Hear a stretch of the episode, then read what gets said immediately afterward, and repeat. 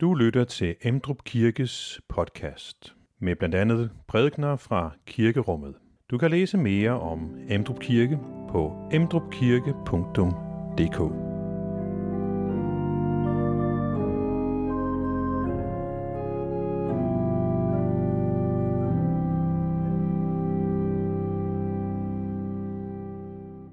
Velkommen til gudstjeneste efterårets påskedag som man også skal kalde dagen i dag, hvor vi skal høre om, da Jesus opvækker enkens søn i nejen.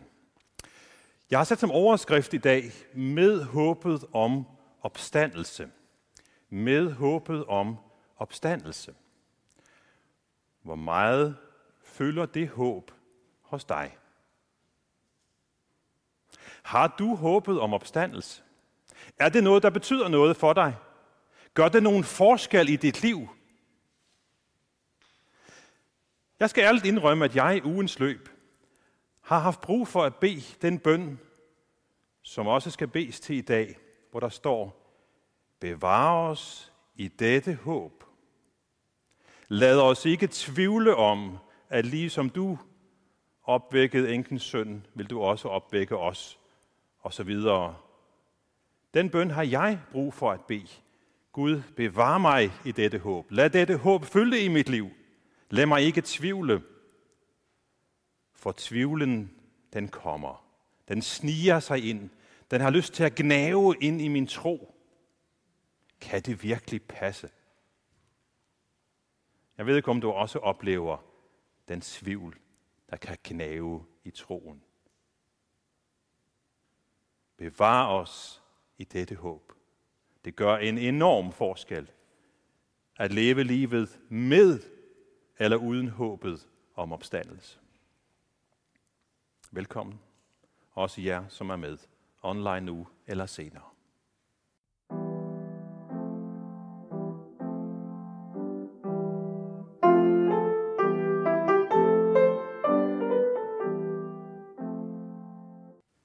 Det er det hellige evangelium, skriver evangelisten Lukas.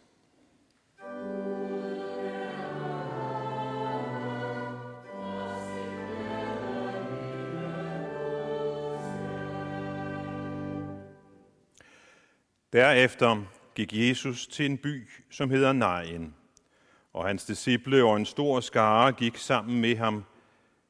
Men da han nærmede sig byporten, se, der blev der båret en død ud, som var sin mors eneste søn, og hun var enke. Og en stor skare fra byen fulgte med hende. Da herren så hende, ynkedes han over hende og sagde, græd ikke. Og han gik hen og rørte ved borgeren. Bærerne stod stille, og han sagde, Unge mand, jeg siger dig, rejs dig op. Der satte den døde sig op og begyndte at tale, og Jesus gav ham til hans mor. Alle blev fyldt af frygt og priste Gud og sagde, en stor profet er fremstået i blandt os, og Gud har besøgt sit folk.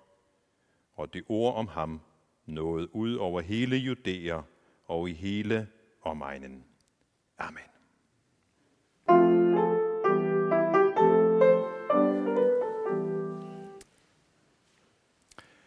Prøv lige at kigge på teksten igen. Se her. Der blev der borget en død ud. En barsk sætning. Som var sin mors eneste søn. Endnu værre. Og hun var enke. Det er som om det er tre trin.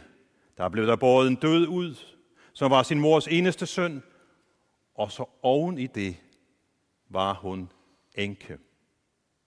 Disse tre sætninger, synes jeg, på en, øh, en hjerteskærende måde formidler den barske virkelighed, som enken står overfor. Og samtidig så er det jo også et, et gribende eksempel på den smerte, på den fortvivlelse, som også kan være i vores liv.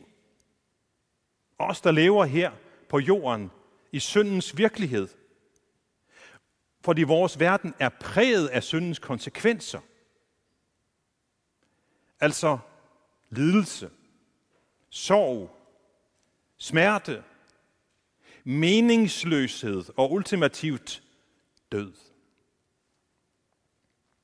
Men lad os lige tage fat i de her tre sætninger til at begynde med.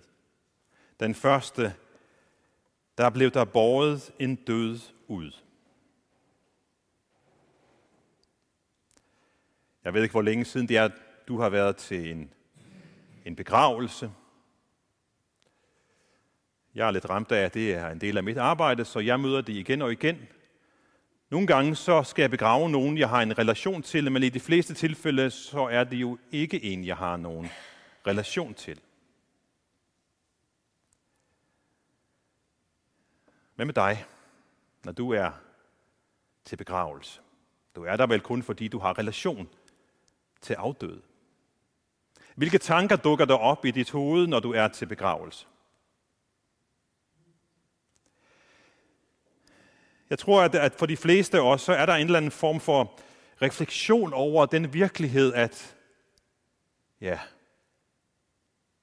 nu er han eller hun ikke længere en del af mit liv, sådan i levende live.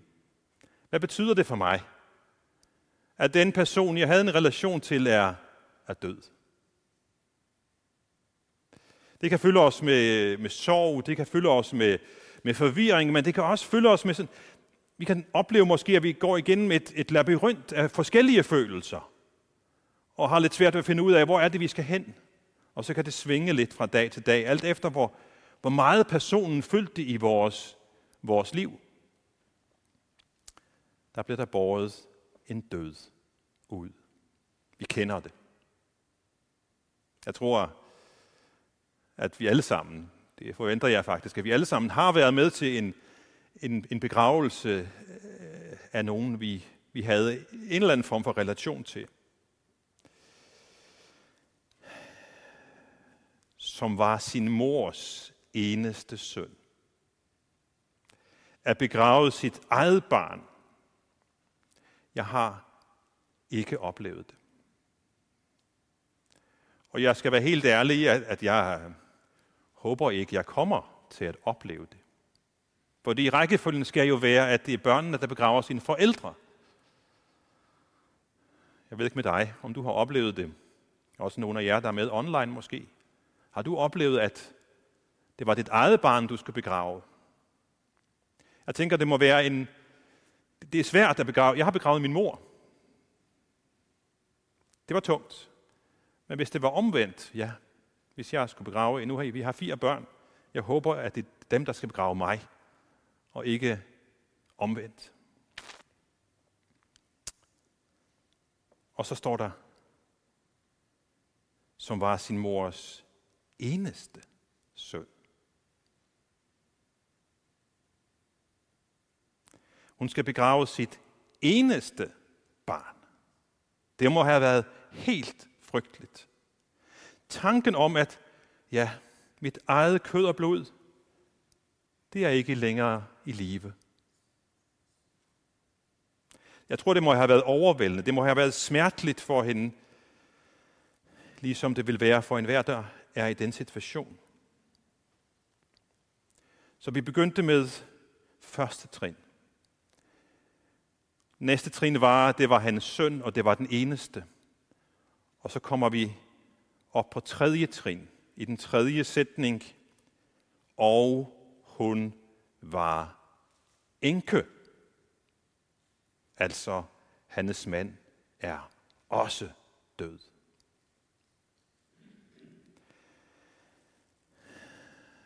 Døden, den efterlader os i en eller anden form for, for ensomhed. Uanset hvor mange mennesker, der, der er omkring os. Men for denne kvinde, så tror jeg, at den her ensomhed, den er nærmest til at tykke på. Den, den, manden er død for nogle år siden, og nu er hendes eneste søn død. Og vi skal også huske på, at det her det foregår i et, i et samfund, hvor, hvor, hvor det sociale netværk er familien. Hos os har vi et ret godt socialt netværk, så at der er et samfund, som, som løfter, men sådan var virkeligheden ikke i samme grad for hende. Så, så her har hun sagt farvel til sin mand for nogle år siden, og nu siger hun farvel til sin søn, hendes fremtid. Det var ham, der skulle sørge for hende. Hun er nu henvist til at leve af almisser. Og nu har vi haft tre trin her. Men der er faktisk et fjerde trin.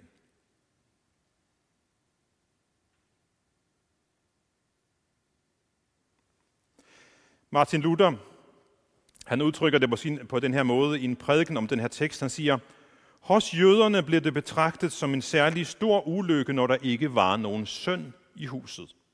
For jødernes samfund skulle man have en arving, en søn. Denne kvinde er derfor en stakkels, bekymret enke.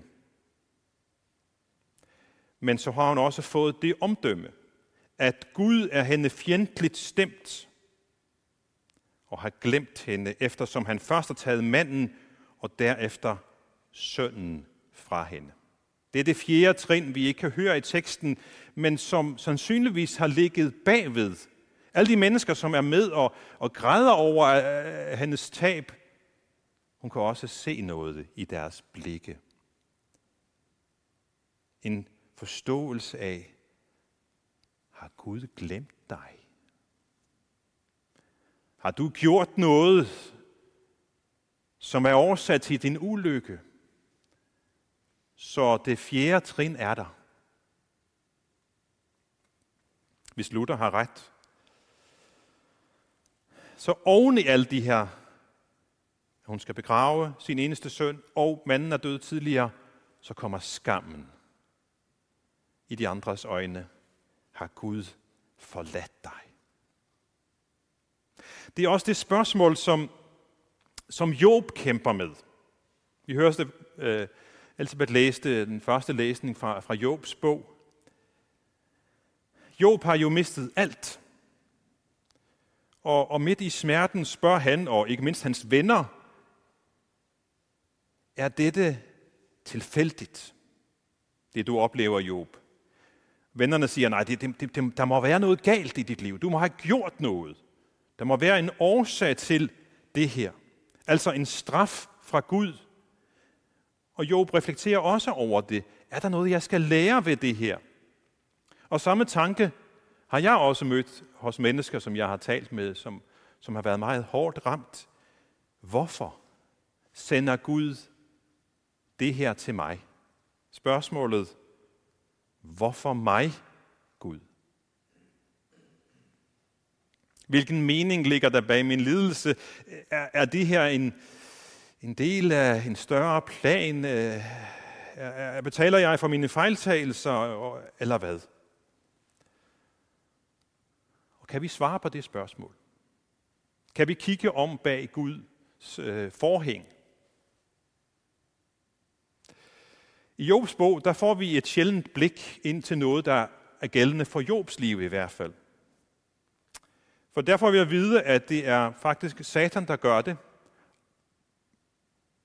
Men spørgsmålet bliver stående. Hvorfor tillader Gud det så? Fordi i Jobs bog er det helt klart, Satan får lov til at pine Job med Guds tilladelse. Hvorfor?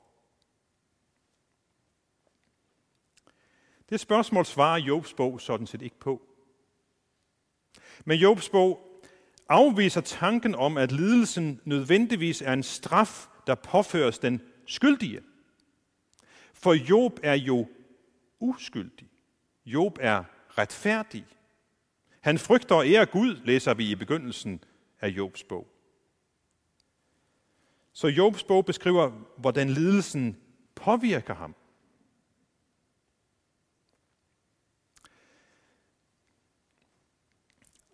Flemming Kofod Svendsen har skrevet en bog i forbindelse med, at, han, at de mistede deres søn til og svigerdatter og, og, og børnebørn til tsunamien i 2004. Og i den bog, så, så vender han den her sætning, hvorfor mig Gud, til hvorfor ikke mig? Hvorfor ikke mig? Og det synes jeg er lidt befriende. Vi lever i syndens og dødens verden. Så hvorfor skal det altid ramme de andre? Hvorfor ikke mig også? Job han bliver påvirket af det, der rammer ham. Han bliver trist, han bliver vred, også på sig selv. Helt øh, forståelige reaktioner, ligesom enkens gråd uden for nejen er helt forståelig. Men der er et men her, både hos Job, men og også hos enken i nejen. Hos Job så er der de her forståelige reaktioner, men så kommer der faktisk også en overraskende reaktion i løbet af Jobs bog. Den hørte vi, at den lidelsen giver ham en form for håb. Når min hud er skrællet af, når mit kød er tæret bort, skal jeg skue Gud, siger Job. Det er et af de få steder i det gamle testamente, hvor opstandelseshåbet er så klart formuleret. Og her kommer det så fra manden, der lider frygtelig meget. Det samme kan vi se hos mennesker, som også i dag lider meget. Er det som om lidelsen og tabene bag den her lidelse får, får den lidende til at se klarere på det, som er umisteligt. Jeg kan miste alt andet. Hvad er det umistelige i mit liv? Job han er plaget af frygtelige lidelser. Han har bylder over hele kroppen, og, og døden er, er nær. Han er grim at se på, og han, han lugter. Og på det tidspunkt, som vi læste fra Jobs bog, så har vennerne, som er hos ham, øh, været i gang med nogle taler, og de har anklaget ham og sagt, der må være noget galt med dit liv. Men Job han fastholder, nej, der er ikke forbindelse imellem handlinger og lidelser. Og Job han går så langt som at anklage Gud for at have vendt, ham, øh, vendt sig imod ham. Han føler sig forfulgt af Gud. Det er en hård tid for ham. Han har levet retskaffent, men nu bliver han alligevel ramt af forfærdelig, meningsløs lidelse. Og i den situation, så gør han to ting. Job, han gør to ting. Han anklager Gud, og han stoler på Gud. Som vi hørte Elisabeth læse, så vil han, at alle de der lidelser og, og smerte og, og, og så videre, det skal, det skal huskes. Det skal mejsles i sten, siger han. Gud skal ikke slippe for at spare, svare på det her spørgsmål om uretfærdig lidelse. Men samtidig så udtrykker han en stærk tillid til, at hjælpen kommer fra Gud. Han ikke bare tror og håber eller drømmer om, at han engang vil blive forløst fra sine lidelser, når han siger det helt klart, dog ved jeg, dog ved jeg, at min løser lever, og til sidst skal han stå frem på jorden. For mig var det en skøn oplevelse at, at synge Keith Greens gendækning af det her vers. Så meget, meget klart og tydeligt for sagt det samme. Dog ved jeg, at min løser lever, og til sidst skal han stå frem på jorden. Når vi lider, så skal vi huske på Job. Og vi har faktisk også Guds ord for, at Job, han taler sandt om Gud. Og det betyder, at det er okay at sige det til Gud, som Job siger. At holde Gud ansvarlig, når vi oplever lidelser. At vi må gerne bede om Gud, jeg kunne tænke mig en forklaring. Kom med en forklaring. At han i det mindste i opstandelsen vil give os et svar på de mange spørgsmål. Men at Job taler sandt betyder også, at Gud virkelig vil en dag lade forløseren stå frem på jorden. Og det har han gjort. Vi kender hans navn. Det er Jesus Kristus. Så Jobs øh, beretning og beretningen om enkens søn i Nain minder os om, at døden er en del af vores liv. Men vi bliver også mindet om, at vi skal se døden i lyset af Jesus sejr over den. Og det hjælper os at møde døden i den barskhed, når vi tror, at døden er overvundet af Kristus. For så møder vi jo døden med håbet om opstandelse. Og det var det, jeg nævnte i min indledning i dag. At jeg har kæmpet med i den her uge. Og jeg tror også, at du kan genkende dig i denne kamp. Håbet om opstandelse. Hvor mejslet i sten står det i dit liv. Jeg oplever, at det svinger lidt i mit liv. Nogle gange så kan jeg virkelig sige ja. Og andre dage så kommer tvivlen gnavende i min tro. Og så har jeg brug for at blive mindet om det. Og høre det igen. At med håbet om opstandelse, så kan, jeg, så kan jeg også jeg have mod til at se og, og acceptere de, de vanskelige sider af livet og, og håndtere dem på en, en, en bedre måde. Det giver styrke til at leve livet her på jorden. Og det, som teksterne i dag udfordrer os til, det er, fokuser ikke bare på dødens skadevirkninger, nej, fokuser på, hvad den opstandende Jesus betyder for dig. Hvilken forskel han gør, og hvordan han kan fylde dig med håb og glæde. Paulus han siger, at vi skal sørge. Ja, det skal vi. Men vi skal gøre det med håb. Han siger det med dobbelt negation. Han siger, vi skal ikke sørge som dem, der ikke har noget håb. Vi skal ikke sørge som dem, der ikke har noget håb. Hvis vi fjerner de to ikke, så bliver det, vi skal sørge med håb. Opstandelseshåbet, det er stærkt. Det giver mod. Selvom det indrømmet går ud over, hvad vi kan forstå, som også vi hørte Paulus' brev til menigheden i Efesos. Det, der er så stort, vi forstår det ikke. Det her håbets store dog. Dog ved jeg, at min løser lever. Og den her grædende enke, hun er på vej ud af nejen med sin eneste søn. Hun er fortvivlet. Men hun, hun ved faktisk ikke, at hun lige om et øjeblik skal møde ham. Den samme, som Job peger på og siger, dog ved jeg, at min løser lever. Hun er på vej til at møde løseren. Det ved hun bare ikke på det tidspunkt.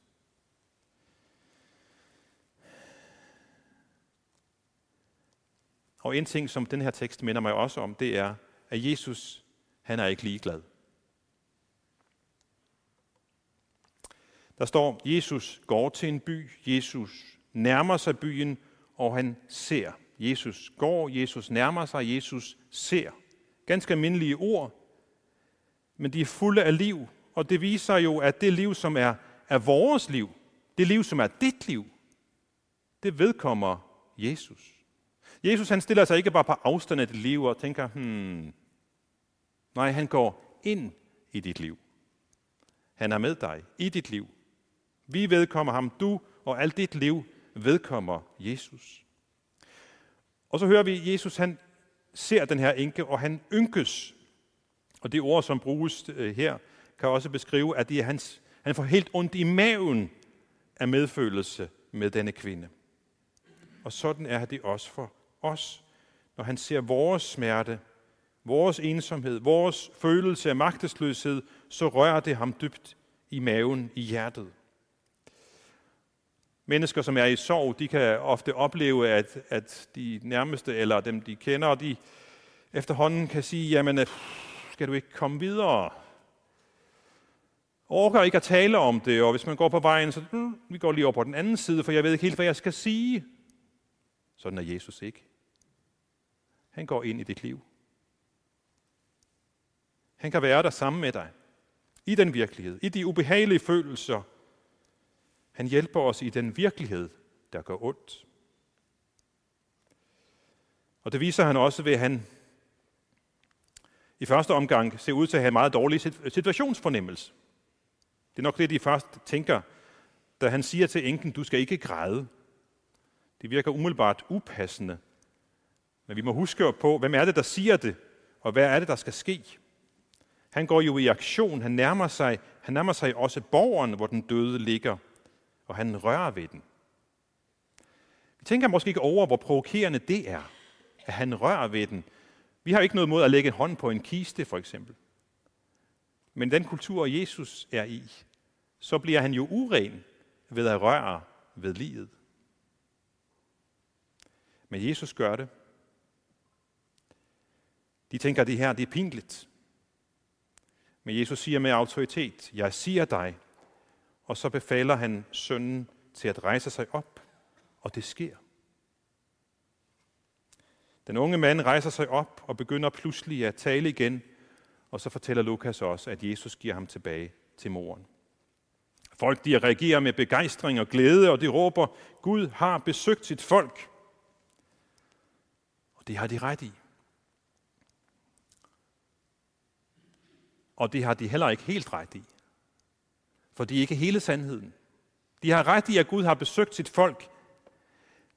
Men det kan, der er en detalje, vi lige skal have med her. Når man er på besøg, så smutter man igen. Gør man ikke det? Er Jesus smuttet?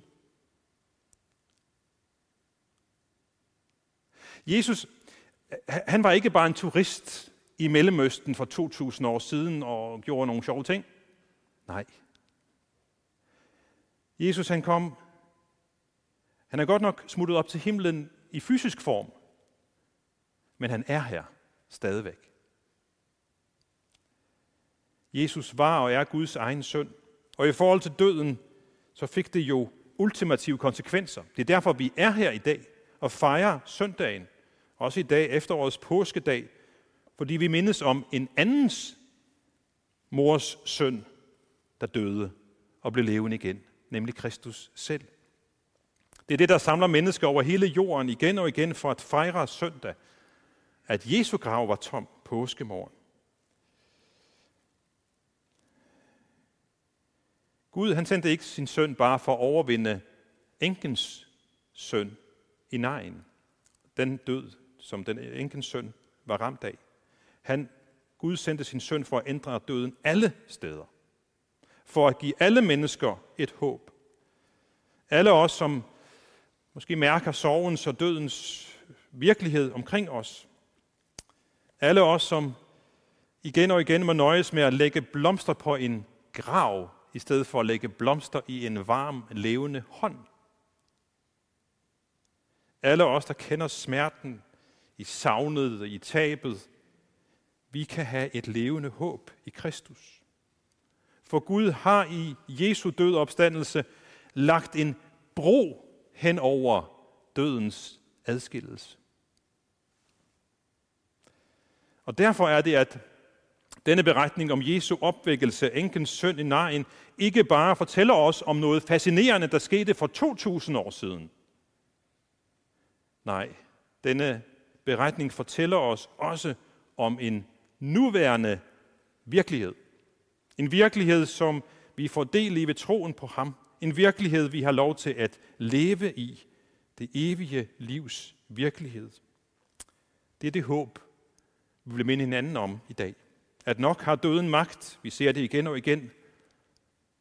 Men Guds søn har overvundet døden. Og så kan vi med Job sige, dog ved jeg, at min løser lever. Til sidst skal han stå frem på jorden. Dog ved jeg, at min løser lever. Til sidst skal han stå frem på jorden. Amen. Find flere podcast og læs mere på emdrupkirke.dk